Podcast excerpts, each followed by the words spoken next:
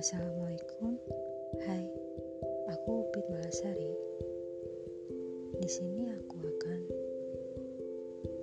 menceritakan cerita hidup dan pengalaman-pengalaman aku selama aku hidup berdampingan dengan mereka yang kalian sebut hantu, makhluk astral, dan yang mereka